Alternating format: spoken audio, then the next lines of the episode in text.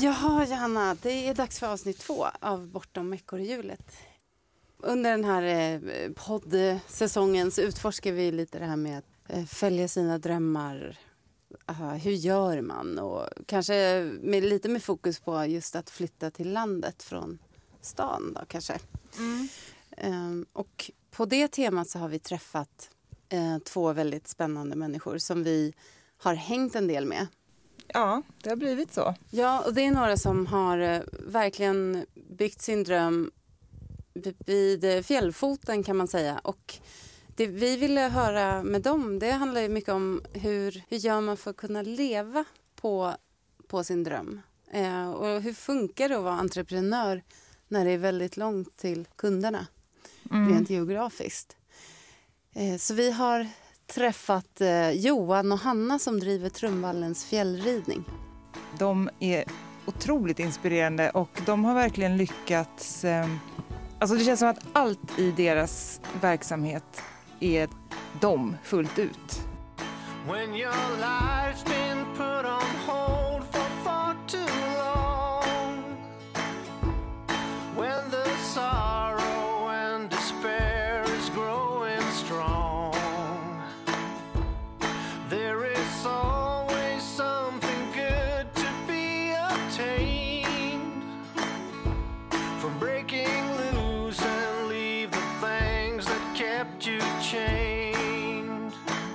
nu är vi ju alltså här i Trumvallen och eh, har Hanna Högberg och eh, Johan Persson som gäster i det här avsnittet. Och på kartan sitter vi då en bit utanför Vemdalen.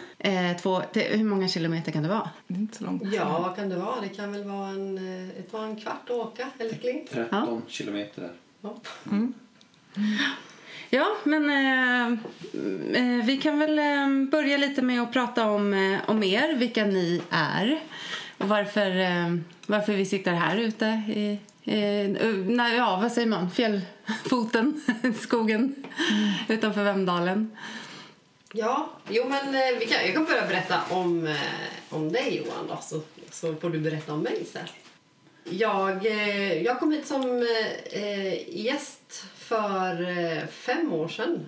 Ehm, och eh, då var det som så att eh, jag var en storstadstjej som ville hitta på något kul. Höll på med hästar och red västen. Mm. Och försökte hitta någonting som, något kul att göra, någon typ av ridresa. Så, så gick jag in på Google och så sökte jag på äventyr och eh, västernridning. Och min första träff var Trumvallens fjällridning. Mm. Eh, så gick jag in och på, på hemsidan och tyckte ja, men det här var kul och var spännande och jag kan få fösa kor och jag kan få rida på fjället. Det har aldrig varit i fjällen. Det blir väldigt spännande tyckte jag. Så då eh, ja, kom jag upp hit och det helt fantastisk miljö. Helt underbar miljö. Jag bara wow, kan man leva så här? För vad jag damp ner i då, det var ju Johans livsdröm. Det var ju det jag damp ner i. Det är det som finns här. Han har skapat en, eh, en ranch, fastän i Härjedalen. Och den drömmen har ju du byggt på ända sedan du reste och var 20 år. Ja, hur, hur, eh, hur började det själva att starta den här verksamheten då? Och liksom, du kan väl berätta lite om den drömmen? ja, det började väl egentligen när jag var 23 så eh, vart det att jag bestämde att jag ville åka jorden runt. Och det gjorde jag och hamnade till slut i Australien. Och eh, av en ren tillfällighet så träffade jag några killar på, på en pub där som jag började prata med. Och eh, det visade sig att de jobbar på en ranch en bit in i, i Australien. Och jag är ju snickare från början och de var på att bygga traktorgarage. Så de erbjöd mig att följa med för de behövde ha någon som kunde snickra lite grann. Och då tyckte jag det var bra att hänga med. Och, mm, ja, mat och husrum och hänga där någon vecka. Det kunde. Och, men jag vart ju kompis med dem och, och hängde med på, vart ju kvar och hängde med på vad de gjorde på ranchen då, vilket var ju med häst och, och boskap och får. Och, och jag tyckte att det var fantastiskt roligt. Hade du ridit innan? Ja, det hade jag. Eh, inte mycket, men, men, men eh, jag ramlar inte av så ofta. Nej. det var ingen risktagande. Ja, så att, nej, så på den vägen var det. Sen fortsatte ju resan. Jag såg att överallt eh, dit jag kom så fanns det turridningar. Och, och eh, började väl liksom på att fnula lite eftersom jag, eftersom jag är från Vemdalen och bor här och vi har tillgång till, till ja, fäbodvallarna vi har här och vi har mark. Och, och så tänkte jag att det borde väl kunna gå att ha en turridning i Vemdalen. Så så började det. Och då, när jag kom hem så dröjde det väl inte länge förrän jag köpte min första häst och började på. Och, eh, Och när var det här i tiden? Jag köpte väl kanske min första häst då i slutet på 80-talet kanske, 88 eller någonting. Startade väl, köpte någon häst till sen men sen bestämde jag mig för att starta 93 eller 94. Och satt egentligen ut en pappskylt ute vid vägen där det stod turridning bara. Och, eh, och det kom lite folk. Så jag tänkte att det kunde man väl prova att fortsätta med. Så då gnodde jag på med det och det vart ju mer och mer. Ja. Så att, eh, ja, på den vägen. Så det var egentligen helt utan liksom, marknadsföring? Ja, helt. Och på den tiden Ja. fanns det liksom inte sociala medier Nej. och sånt. Det var, det, var ju, det var ju den allra jobbigaste biten så var det ju att, att Få ut nå ut. För att alla som kom hit var ju jättenöjda och älskade ju fjällen här och tyckte det var fint och så. Mm. Men, men att få ut och få folk att hitta hit var jättesvårt. Så, eh, men jag knogade väl på med det där och, och ja, på den, den vägen är det. Kände väl också så efter, egentligen efter första år eller andra år att jag behövde liksom lära mig mer så att jag anmälde mig till en eh, kurs. Det var en amerikansk tränare som kom hit från USA som höll på med western reading som jag var intresserad av. Då. Och han hade en klinik i Älvdalen. Så då åkte jag dit, för det var inte så långt dit, så då hängde jag där den helgen och lärde känna lite grann. Så kom han tillbaka ett halvår senare, och åkte ner igen. Och var ju lite bekant med honom tidigare, då, några år innan. Och, och då i slutet på andra så frågade han om jag inte ville komma över till USA. Och det gjorde jag. Och jobba Nej, det? egentligen hälsade på han och, och ja, hängde med han då. Och eh, tog med mig faktiskt packat och klart. För att han hade ju också, var liksom också ganska så ny då i, inom sitt gebit då. Men man hade ju lite ranchridningar och sånt där nere. Jag hade haft packat och klart här något år innan. Så jag ringde till, till dem på packat och klart. Och, för jag tänkte att det måste vara en kul grej för dem att kunna vara med på.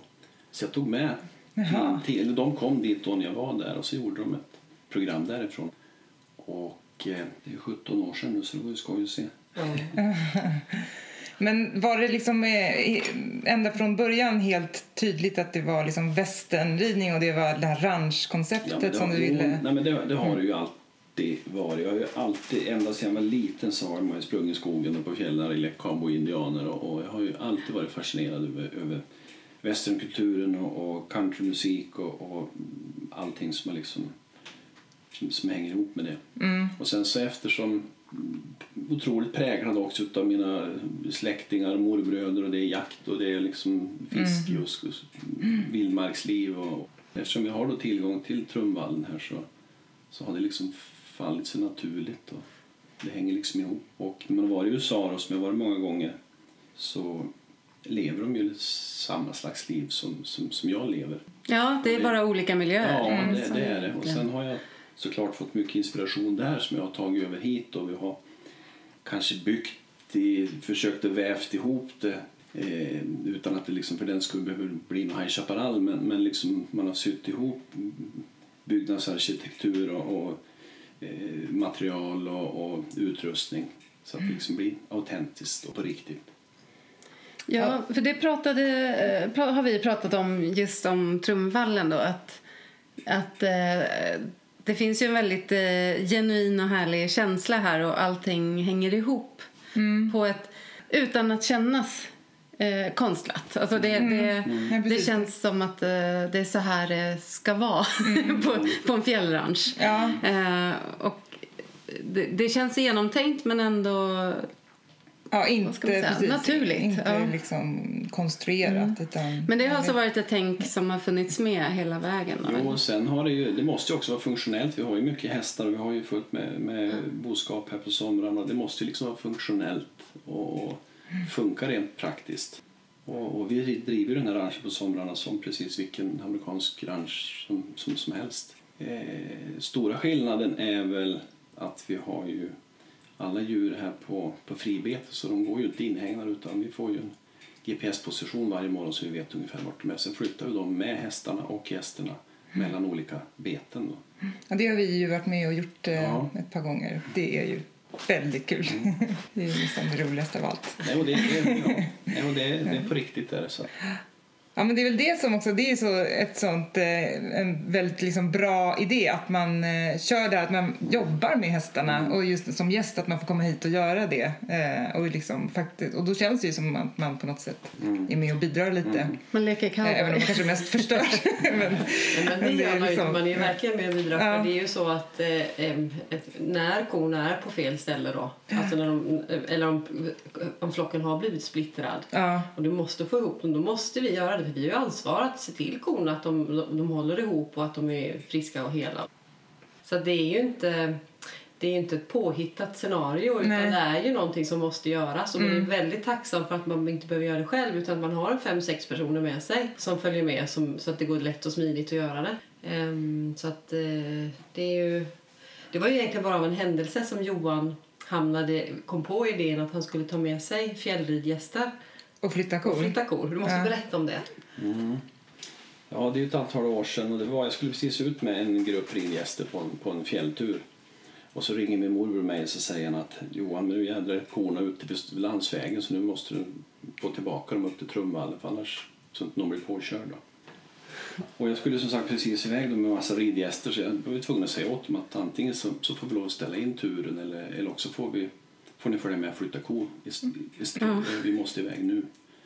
Ja, jävlar, det låter jättekul tyckte de. Så de, de hakade på allihop. Så vi körde ner alla hästar 8 kilometer ner här och sen så fick vi ihop korna och så flyttade vi dem hela dagen och flyttade upp dem dit där de, där de hör hemma. Och, och de tyckte det var så roligt. Så de, ja, de, jag upplevde liksom att de tyckte det där var mycket roligare än att rida på fjället.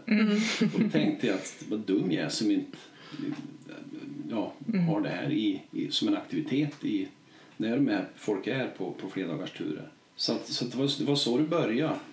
Och, och det har slagit väldigt väl ut. Och, och det är liksom är höjdpunkten på den, de här, den här vistelsen som Jo, det är något eh, ganska unikt också.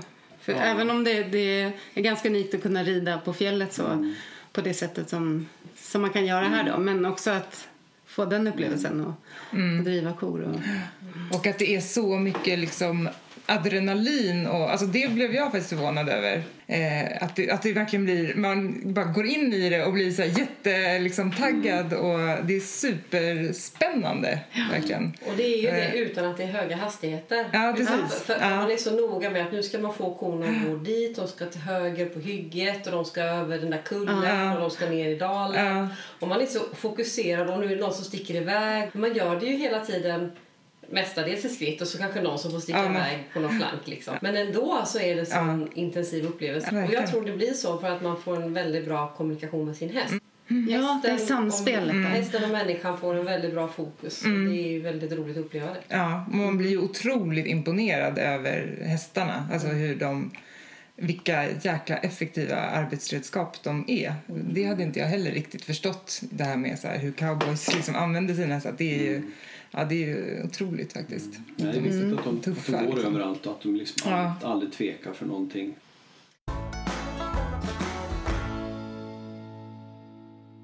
Ja, och Hanna, och sen så trillade du ner i Johans dröm sa du. Gjorde ju det. Jag Ja. landade här och var, var fem dagar här och hade det ju, det var fantastiskt på fjället. Men eh, sen så åkte jag hem till min vardag. Eh, och jag är lärare så jag jobbar på ett gymnasium, stor gymnasieskola och jobbar på där och så någon gång på vintern då så tänkte jag tillbaka där på, på sommaren och tänkte men tänk alltså det, det, det, är ju- det, är det är så det, det är så där jag vill att mitt liv ska vara. Vad gör jag i storstaden? Vad gör jag? Jag har en häst och jag är ute och rider men jag mår ju inte bra. Var det liksom resan som var ett uppvaknande i, i det eller hade du tänkt de här tankarna innan? Eh, fjället var ett jätteuppvaknande för mig.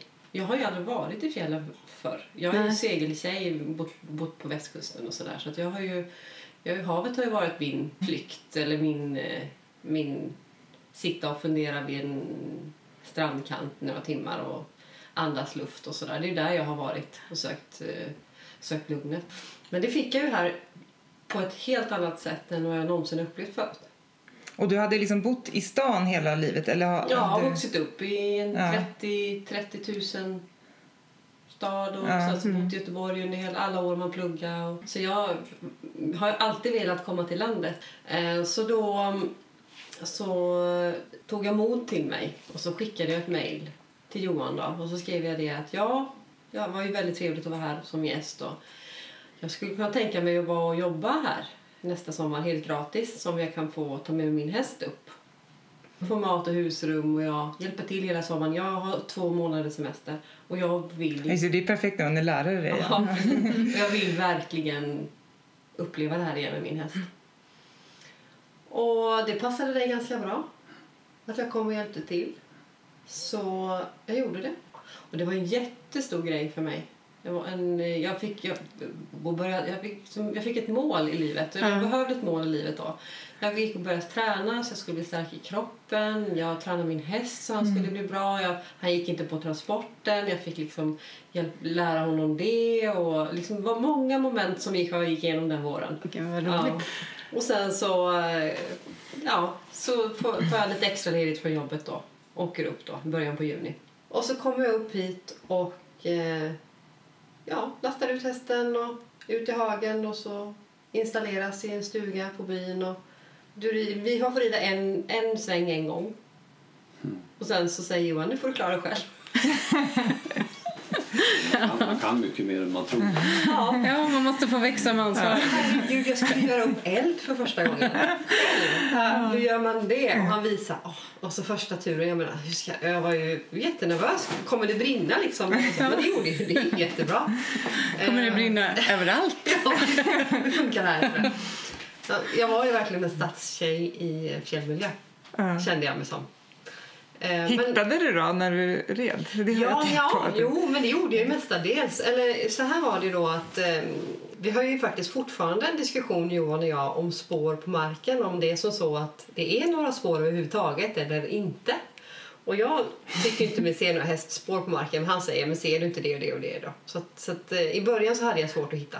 Eh, men då red jag eh, gamla hästar som har gått många gånger. Samma tur. Så Alltså de hittade De det, hittade. liksom. Mm. mm. åt mig då. Och ibland, det var ju någon gång så jag helt missade pausplatsen, var ska stanna och fika då. Så då fick jag ju, det var vid, vid ett tillfälle då hade jag ett par, eh, en kille han kom från Sydafrika och hans eh, flickvän då som var från Norge tror jag. Och så var de här på semester så de som var med mig ut och red då. Och jag red och red och red och red och så upptäckte jag att herregud nu är jag ju nästan hemma. Och vi har inte fikat än. Och jag har helt missat var vi ska fika någonstans. Så då hoppar jag av mitt i skogen där. Nu ska vi fika! Slänger mig ner där i skogen och gör upp en eld. Jag är så himla stolt över att jag gjort upp eld. Och där ligger det myrstack precis bredvid. så det vandrar ju myror över fikabrödet, över våra skor och ja, Ja. överallt var det. Var jättemycket myror då, upptäckte jag till slut. Eh, och då, ja, jo men det är, inte intressant att se svenska myror. Han tyckte det var jätteintressant att se svenska myror. Så pratade vi om svenska myror och sydafrikanska myror och jämförde dem. Så du liksom inkorporerade det i upplevelsepaketet? Ja, det blev som en del. Så det var mycket äventyr på mina första turer. Och då i alla fall, så när jag har kommit, när, när, när, efter vi har jobb, vi jobbar ihop på sommaren och det funkar jättebra. Det. Ja, och vi hade supertrevligt och hade bra med gästerna och allt flöt på och sådär. Och jag åkte hem till jobbet och då var det så intensivt då, så det var ju att man jobbade fram till sista Alltså sista turen och så satte jag mig på bussen hem på kvällen då åkte hem, åkte nattåget ner till Göteborg. Så jag, jag fick en otrolig kontrast efter att ha varit här i två månader och ridit varje dag på fjället.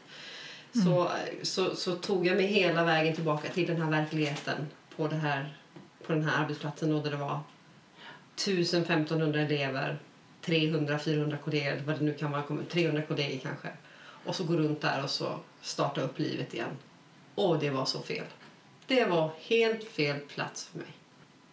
Måndagsångest på riktigt. ja. Helt fel plats. Vad gjorde du då? då? Nej, men jag ringde väl till Johan och sa att det här var ingen bra plats för mig. Nej. Ja, och då så sa du, "Nej, men eh, varför ska du vara där då? Jag kommer ihåg det. Alltså, de flyttade hit och sa ju att lärare behövs det väl säkert här med. Så, det, så, så gjorde du. Det dröjde inte länge förrän du Nej. flyttade upp sen. Eh, så då åkte jag, eftersom, eftersom jag har möjlighet att jobba på olika skolor, då, så åkte jag till tre olika skolor och så frågade om de ville ha en mattelärare. Och det ville de ju. Eh, de skulle bara kolla när det skulle kunna passa. Så där. Det var ju roligt. Och så tog jag min häst och körde hem. Med ett helt annat självförtroende än jag åkte upp. Mm. Nu, Lasta på hästen, åker hem, åker alla 75-70 milen utan problem. Helt, en helt annan människa har det blivit på de här två månaderna i trygghet och självsäkerhet och i eh, inre styrka. Ja, vad tror du det beror på? Det beror nog på fjället och på Johan. De två kombinationerna. Alltså naturen i sig ger ju dig att, att vara i naturen eh, tillsammans med djur eh, ger ju kraft. Det ger Mm. jättemycket kraft. Och sen så att ta sig an en utmaning som man är rädd för eh, och klara den utmaningen. Som att göra upp eld första gången eller eh, som att lasta hästen och köra iväg med den. Eller, eh, det ger ju också kraft. Och när du väl har gjort... Jag fick ju väldigt många utmaningar här under den här sommaren då, som gjorde att till slut så jag klarade varenda en. Det gick bra. Så jag hade en styrka som jag hade byggt upp genom att jag hade vågat göra allt det här som jag inte hade när jag kom. Och den styrkan var så stark så att när jag sen fick ett jobberbjudande bara någon vecka efter att jag hade tagit hem min häst ifrån en av skolorna då, som jag hade sökt jobbet på så sa jag upp mig och flyttade direkt. Det är fascinerande, för det, ja, jag, jag har ju varit här eh, tre, fy, tre gånger. Tre fyra gånger, ja, fyra, ja, tre, något, fyra. något sånt. ja. Och eh, varje gång så har jag reflekterat över det på vägen hem. Att, att jag har lärt mig något nytt om mig själv. Inte så här, jag har lärt mig rida på ett annat sätt. Eller, utan det, det är personlig utveckling. Mm. Och, det, och det, det är ju det, ger man, sig, ger man sig in i det här livet med att leva med djur och att våga satsa på, på en sån här dröm då utvecklas man ju som människa jättemycket jämfört med det livet jag hade förut. För det, det, du lever mycket, mycket närmre verkligheten. Alltså det, det handfasta nuet i, eh, när, du, när du lever med djur och har en verksamhet med djur. Ehm, det här livet som jag levde när jag bodde i, i Göteborg där, det var ju mycket mer uppe, uppe mentalt liv. Det var så uppe i hjärnan liv, men inte fysiskt liv att nu ska vi göra det här och det här utan det var en väldig aktivitet här uppe i hjärnan men inte i kroppen och inte i själen. Själen fick stängas av för att man var tvungen att stänga ute så mycket intryck som möjligt. Ja, gud, det där är ju verkligen, det är så otroligt hög igenkänning, alltså, känner jag. För det är precis det. Jag känner också att jag går ju och längtar efter Alltså just att lämna den här, för det känns som att man lever i någon konstig bubbla liksom. Och just att bara använder huvudet hela dagarna och står vid en dator och liksom, och allting känns så konstlat på något sätt. Och det, så jag kan verkligen jättemycket känna igen mig i det. Att jag också har verkligen tänkt att gud, jag, jag ska söka jobb på typ en så här 4H-gård eller liksom en bondgård och bara bara för att känna det där att man liksom hamnar i verkligheten. Och just det också med så här kontakten med djur känns också som att det liksom händer verkligen någonting med en. Det är väldigt påtagligt och verkligt och man får direkt respons. Och, Ja. Jag tror, jag tror också att, man, att alla har i ryggmärgen någonting som, som gör att, att man, som, som vi känner väl till exempel, att på, på, på våren så, så ska ven fixas och det ska liksom fyllas upp med ved. Då vet man att man fryser inte ihjäl. Och sen så ska det fixas med hö och då, när hö är fixat då klarar sig djuren. Om det så är kor eller hästar eller får eller vad man har för någonting. Men det ger också tryggheten att då har man mat. Och sen så blir det jakt och fiske. Man har frysboxen full med älgkött. Som, som jag tror alla har. Det är väl därför också alla tycker det är så mysigt att sitta och titta in i en eld. Det är någonting som finns i oss och, och som är det är ju, det är ju egentligen, allt det här det är ju egentligen det enda man behöver egentligen. Det är det. Värme, Back to basics. Ja. värme mat och, och, och relationer. Då. Det spelar liksom Liksom. ingen roll vad som händer för har man det här så, så vet man att man klarar sig. Det reflekterade jag över när vi hade fixat med veden eh, nu då. För jag har ju ganska nyligen flyttat ut eh, i glesbygd eller landsbygd eller vad man ska kalla det. Och det bara kom en tanke så här att jag kände mig så rik när veden var på plats. Precis. Det var sådär.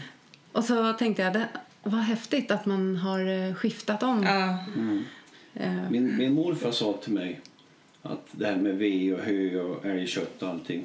Det är ingen rikedom, men en jäkla fattigdom att vara utan. Ja. Ja, vad gör man utan ved? Det går, blir jättekallt. Nej, men det, det var en, en häftig tanke. Eller när, när jag blev medveten om den. Ja, men det är väl en väldigt tydlig liksom, illustration på att det är helt andra värden Ja. liksom, som räknas.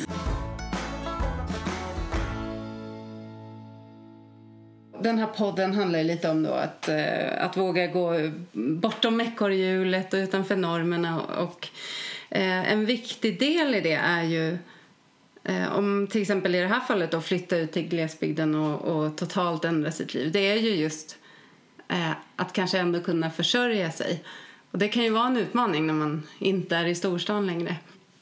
Hur ser ni, hur ser ni på den, eh, den aspekten av det här livet?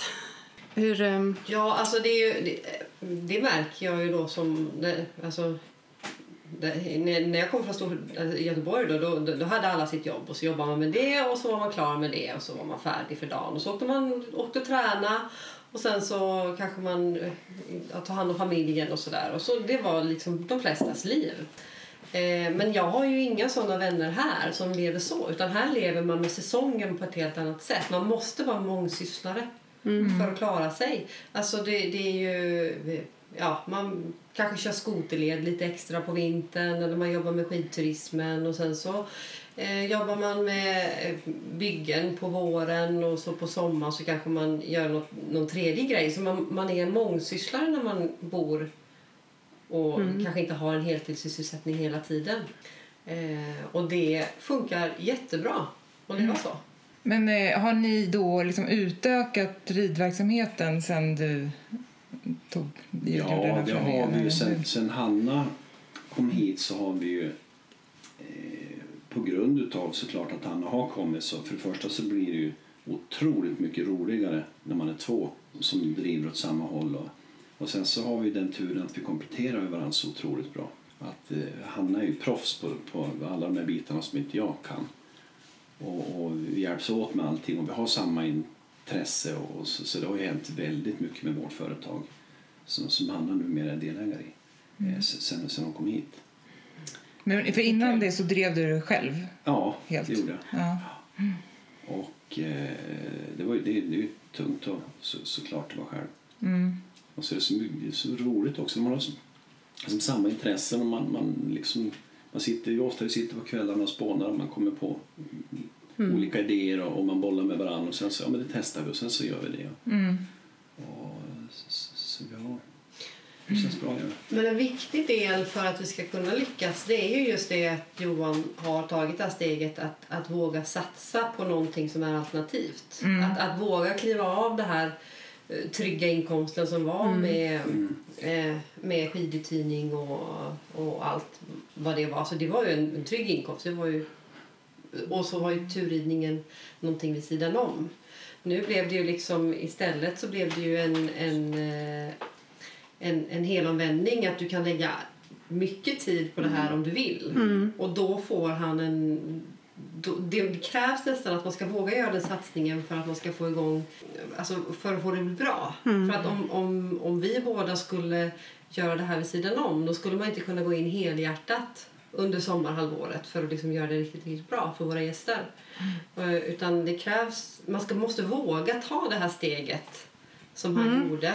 Att lämna tryggheten för någonting som man tror på. Ehm, eh, det tror jag är jätte... Alltså det, när man väl gör det så håller det. Det funkar. Och nu har ni liksom en, en eh, ska säga, hållbar ekonomisk modell, eller? så det funkar liksom. Mm. Och då är det så att idag så är du heltid om man ska säga på, på det här och du deltid. Ja. Är målet sen att, att ni båda ska vara, jobba heltid med ranchen? Det vet vi inte. Vi, vi, har ju, vi har ju funderat på om det ska vara målet. Eller om målet är att vi ska vara glada och lyckliga.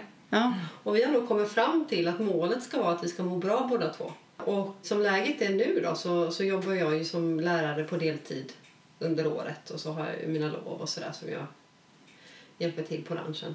Men så säger vi det att om det, om det känns som att det blir fel, ja, då, får, då gör vi på ett annat sätt. Så Man det, det handlar provar sig fram lite Ja, man får prova sig fram. För att eh, eh, det är så många faktorer som ska funka när du kommer ny till en by. Du ska, hitta, du ska hitta din plats, du ska hitta nya vänner och du ska känna att du har en, en identitet. Så för mig är det ganska viktigt att, en, eller har varit viktigt fram tills nu då, att få, få vara kvar i skolvärlden för att eh, fortsätta de processerna som man har som lärare. Ja, precis. Men det är lite viktigt det där för att det kan jag känna lite, jag störs absolut inte av men jag tänker på det ibland att, att mitt liv, jag lever ju min dröm, det, det gör jag absolut. Men samtidigt så det liksom går in i varann allting. Så, så om jag jagar älg eller om jag är ute och rider med turister eller om jag håller på med ved eller om jag bygger någonting. Är det, är det liksom en fritidssysselsättning eller är det jobb? Det, det liksom är, Mm. Ja, gränsen mellan, vart, vart går Ja, den? Det är liksom, man, man gör det som ska göras. Jag tycker att det är roligt. Jag trivs fantastiskt bra med det. Men, men det blir som en... Ja, det är svårt att hålla liksom isär vad som, vad som är vad. Ja. någonting. Ja, för du kommer inte så här, nu åker jag till jobbet Nej. eh, och nu gick jag hem. inte in. Nej. Nej.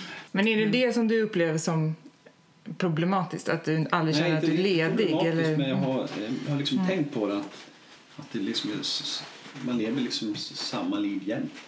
Man är liksom inte ledig och, eller man jobbar utan man är Mm. någonting mittemellan jämt.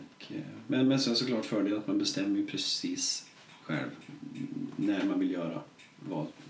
Är det riktigt, riktigt, riktigt dåligt väder någon dag, ja men då är jag väl, är jag väl inne den dagen då. Ja. ja, man behöver inte ge sig ut i, busvädret. kanonväder, ja men då kan jag väl jobba 15 timmar den dagen då, om jag känner för det. Men hur är det med turerna? Ställer ni in turer om det det, gör inte. Det gör vi inte. inte det ska på grund av vara, väder? Det ska vara extremt dåligt väder man ska ställa in. Vad, vad tycker ni är, är svårast? Eller finns det, finns det några stora utmaningar med att driva verksamhet här kontra i storstan? Och, eh, med djur?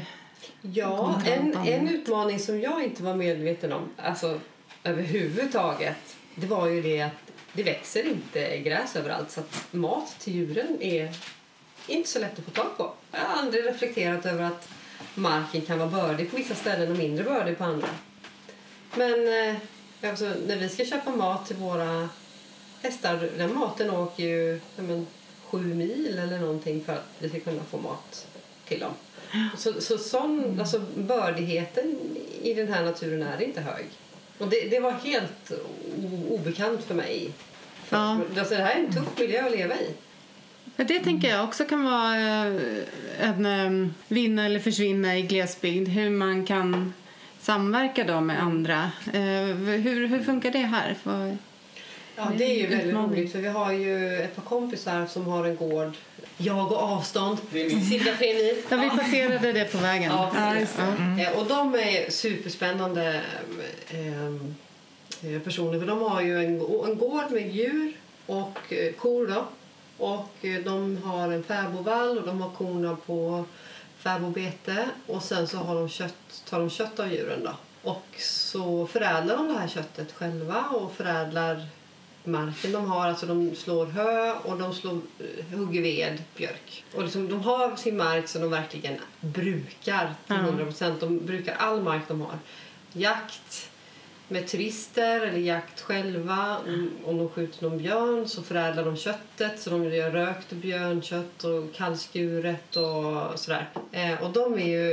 Eh, de hjälp, samverkar vi ju med. Så vi köper ju ved av dem och vi vi köper ju hö av dem också. Och så kött till när vi har lite finare turer. Så, så vi har eh, lite kallskuret till och sådär. Mm. tar man utav dem då. Mm.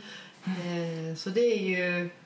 Utan deras verksamhet hade vi haft mycket tuffare att få tag på de produkter som inte vi kan ha tid att fixa själva. Ja, men det är, det är ett häftigt växelspel där. Ja. Och då hjälper ni liksom till att marknadsföra varandra också då på samma gång. Ja. Ja, det gör vi. Och sen så har vi eh, en kille som har hjälpt oss att laga luncherna till våra turer nu. Och han, han är ju en kille som, som startade, startade eget då. Eh, catering för något år sedan. Och så såg vi hans reklam på Facebook och sa men du det där känner ju vi. Vi, vi, vill, köpa, vi vill köpa av dig. Ja. Så då ringde vi honom och bad honom laga maten till oss och så gjorde han det. Så, att, så, så, så hjälper vi ju varandra faktiskt. Finns det någon eh, liksom negativ eh, stämning också sådär att det finns konkurrens och folk som liksom motarbetar varandra? Eller är allting liksom... Vi har inte upplevt någonting negativt. Det är så otroligt fin... Någonting som jag tycker är helt fantastiskt det är ju nu rider vi mycket på egen mark men vi, vi rider ju såklart på massa andra marker också. Jag tror vi rider på, jag vet inte, 20 30 000 hektar. Jättestort område som vi rider på. Och vi har inte en enda markägare som har sagt ifrån. Inte en enda på, på, på så stort område. Det tycker jag är helt fantastiskt. Och det, och det är samma sak när man har problem med någonting. Vi har ju haft... Eh, eh, eller problem och problem. Eh, vi har ju haft lite filminspelning här. Eh, och, eh, utav eh, ett matprogram. Och då, då, har ju, då, har ju liksom, ja, då ska de ha någonting, någon rekvisita, någon, någon bokpanna som är stor eller vad som helst, eller Ja. stege för att fixa någonting. Men man är bara ett telefonsamtal bort till någon i byn som kommer om och hjälper till med allting. Alla ställer upp. Så, ja, vi behöver ha det här till, nu behöver vi ha fem skotrar. Ja, men vi fixar fem skotrar. Vi behöver ha eh, en... Eh, Pumpen till badtunnan gick sönder en gång. Ja. Vad gör vi då? Ring brandkåren. De kom och fyllde badtunnan. Ja. Det ska man vinna på kvällen då. Alltså samma sak. Alltså, ställer, alla ställer upp för varandra. Det är helt galet. Och det var ju, de, skulle, de skulle spela in eh, någon eh, var det snö... Ja, skidåkningsscen tror jag. Då, då fick liksom en, en, en pistör på, på skalet och, och åkte iväg och hjälpte till för det skulle vara någon säkerhetsgrej och sådär. De, de, alla ställer upp för varandra Ja. hela tiden. Är det en kultur här eller har det vuxit fram? Eller? Jag tror nog att, att det är en kultur i, i Vemdalen. Sen är vi nog, tycker jag det känns, vi är otroligt stolta över vår by. Och kan man liksom hjälpa någon för att det ska funka bättre för, för gäst eller, eller för vem det nu är så, så, så vill man nog gärna göra det. Det, är, det är fint, för det är inte på alla Nej, mindre jag, jag vet Nej, som- precis. Nej, jag vet att det, att det inte är så, men, men eh, nej, Vemdalen är väldigt fint. Jag tycker det är ett otroligt fint eh, klimat liksom så i Vemdalen. Och eh, jag undrar, och lokalt stöd från kommun och den typen av institutioner? eller så. Ja, jo, men det Hur har vi ju det? fått. Verkligen. Det finns ett pris man kan få som företagare. Eh, kommunens bästa serviceföretag Ja. eh, eller bästa serviceperson. Eller så. Man, de delar ut guldstjärnor. Och det är ju någonting som, som landshövdingen och kommunen nominerar. Man nominerar Ja. för det här så röstar folk in en och så får man ett pris. Och vi fick förmånen att bli utvald till, till ett sånt eh, pris då. Bästa serviceföretaget var det 2016 kanske i, i, Här- i Härjedalen. Och då fick man ju otroligt fin respons av kommunpolitiker. Eh, De kom hit och besökte oss och undrade liksom vad det var vi hade som var bra och hur det, ja, hur det fungerade i vår verksamhet. Och de var liksom nyfikna på vad de kunde göra för att stötta oss i vår verksamhet. Ja, Och- kul. Ja, det var väldigt roligt. Och sen så har vi ju haft... Eh, när, vi, när vi pratar med våra kommuner och har problem med någonting och vill ha hjälp med någonting eller sådär, då kommer de en gång och stöttar och hjälper till. Upplever ni den här eh, uppgivna känslan som vissa pratar om? Att åh, det bara monteras ner och det... Är det hoppfullt här? Ja, det, det är ju precis tvärtom i Vemdalen. Det byggs och det byggs och det byggs och det flyttar in flera nya familjer till den här lilla byn varenda år. Det, det är jätteroligt. Det, där. Det är kul. Vad tror ni är det som... ja, det är ju såklart Bidrar till det. skidorterna som, som drar. Det är det ju. Och det, bygg, det byggs ju massor med, med nya fritidshus varje år. Men det är ju inte bara skidorterna som, som drar. Jag ser ju ett annat perspektiv och jag ser ju hur skolorna fungerar. Och, och våra skolor har väldigt hög kvalitet. Och de är, eh, det är små skolor. Eh, Det finns inte så mycket problem som finns i de större städerna. Nej. Och eh, eh, många som vill bra och väl för sina barn väljer att flytta. Och så skapar de sig ett liv här på något sätt. Då. Eh, för att barnen ska få en lugn skolgång eller få bra kompisar eller man är liksom mån om att de ska ha det bra. Vad, vad skulle ni vilja säga om man skulle knyta ihop säcken lite? Vilka, eh, vilka viktiga delar ser ni för att lyckas med om man nu sitter och lyssnar på det här och funderar på att lämna stan och göra verklighet av sin dröm? Och, Eh, vad, är, vad är viktigt att ha med sig och tänka på? Jag tror att man ska vara otroligt mån om att försöka förverkliga sin dröm, vad det än är för någonting. Och är man lite envis så går det förr eller senare. Det är hur arbeta hårt är också bra. Det tar bara lite olika lång tid att nå Mm. målet. Men, men, men att vara envis och eh, ha en, en dröm som man ska vara noga med att följa. Det är jätteviktigt. Du pratade ju också förut om att ni kompletterar varandra. Vad är liksom era... Hur fördelar ni liksom rollerna? Det gör sig självt, tycker jag. Mycket. Vi hjälps åt med, med väldigt mycket, gör vi. Men, men sånt som du är bra på, det, det gör du när det ska göras. Och så, sånt som jag gör, det gör jag när det ska göras. Och Vad är ni bra på respektive liksom, Han är fantastiskt duktig med e-mail och med pappersarbete. Hanna sköter hela kontoret, gör hon. Och eh, hon är duktig på... Hon är, grejen är att hon är duktig på, på det mesta faktiskt. Det är väl... Men jag, jag är ju grovgörad kan man säga.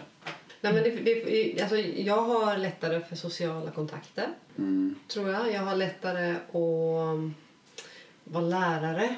Mm. Eh, pedagog. det, det faller mig naturligt att berätta för våra gäster hur man rider och hur man ska tänka. Jag har tålamod när det inte riktigt går när det inte blir rätt för dem och hjälper dem lite till så att de, eh, så att de känner sig trygga och så att det funkar för dem när de rider. Så det brukar jag göra. Eh, och eh, eh, du står ju mer för lite mer eh, äventyr och tuffhet får man väl lov att säga. Det, stabiliteten har ju du på ett sätt som, som, som jag får kraft från. Mm, kanske. Eh, Så att, nej men det, det är det som är så häftigt. Vi, vi känner ju det att vi blir starka tillsammans. Mm. Eh, och att ha någon som man delar en livsdröm med är ju otroligt roligt. Det behöver ju inte betyda att man behöver en partner som man delar livsdrömmen med. Man skulle kunna dela livsdröm med en vän också. Eh, att man strävar Eller en mot syster. Eller en syster. Man strävar mot samma mål. Man har en dröm som man strävar mot. Eh, och det, men att dela den med någon är ju... Det ger ju mer en dubbel känsla tillbaka. Ja, Hanna och Johan, stort tack för att ni ville vara med och berätta om ert drömliv här i Vemdalen, i, på Trumvallens fjällridning. Eh, jag tror att det är många som blir inspirerade av, av det här Ja. och som kanske får, får med sig lite klokskaper på sina Ja. egna resor. Ja, det var verkligen jätteintressant att höra hur ni har, liksom, hur ni tänker kring er verksamhet. Och lite, det är väldigt inspirerande också. Det känns som att man eh, ska ju helt enkelt bara våga göra saker. Följ, Så. följ drömmen. Ja, precis. Och om man vill eh, hitta er eh, på nätet, om man är lite sugen nu på... Då söker man på äventyrfjällridning. Och då kan hela livet vända sig Ja, ner. precis. Man vet aldrig vad som kan hända. Så vi, vi har en hemsida som heter fjällridning.se. Det är enkelt att hitta till oss. Ja, det kan ju vi skriva under på. Vi Ja. har ju båda hittat väldigt enkelt till er. Ja, jag googlade ju fjäll och ridning Ja. och hamnade här. Eh, och sen finns ni på Instagram. Ja, Och- Som Trumvallen fjällridning och även på Facebook. Vad bra, men stort tack Ja. Ja. för att ni tog er tid. ja, det var Johan och Hanna det. Sjukt inspirerande. Det är coolt det här med att eh, herregud, det är väl bara att sätta igång och så får man se. Jag menar som Johan berättade att han satte upp en skylt ute vid vägen och det fanns ju inga jäkla sociala medier eller liksom inget sätt för honom att marknadsföra sig på då. Nej. Ehm, men det växte fram och blev eh, jätte... En tydlig vision och en skylt, det är kanske allt som behövs ibland. Ja, egentligen. och eh, det, det framgår väl, men eh, vi pratade aldrig riktigt om det i intervjun, att de gick ju alltså från att vara, eh, vad ska man säga, att, att Hanna var gäst och sen åkte dit och hjälpte till att jobba till att nu är ju de alltså ett par och bor ihop och eh, lever ihop där uppe. Driver Och det som ett familjeföretag kan man Precis, säga. ja. Men det tror jag i och för sig att man fattade. Men Mm. ifall någon inte gjorde det så är det i alla fall så. Det är alltid härligt med såna här inspirerande historier. Och, vi tänker att vi ska bjuda på fler längs vägen. Så Ja. häng gärna med till nästa avsnitt och avsnittet efter det och så vidare. För det Precis. kommer dyka upp eh, spännande gäster och även också otroligt reflekterande och kloka eh, samtal ja. mellan dig och mig. Ja, gud ja. Men då tackar vi väl för den här gången. Ja, och så tack för att ni har lyssnat. Att vi hörs igen. Ja, hej hej. Hej hej.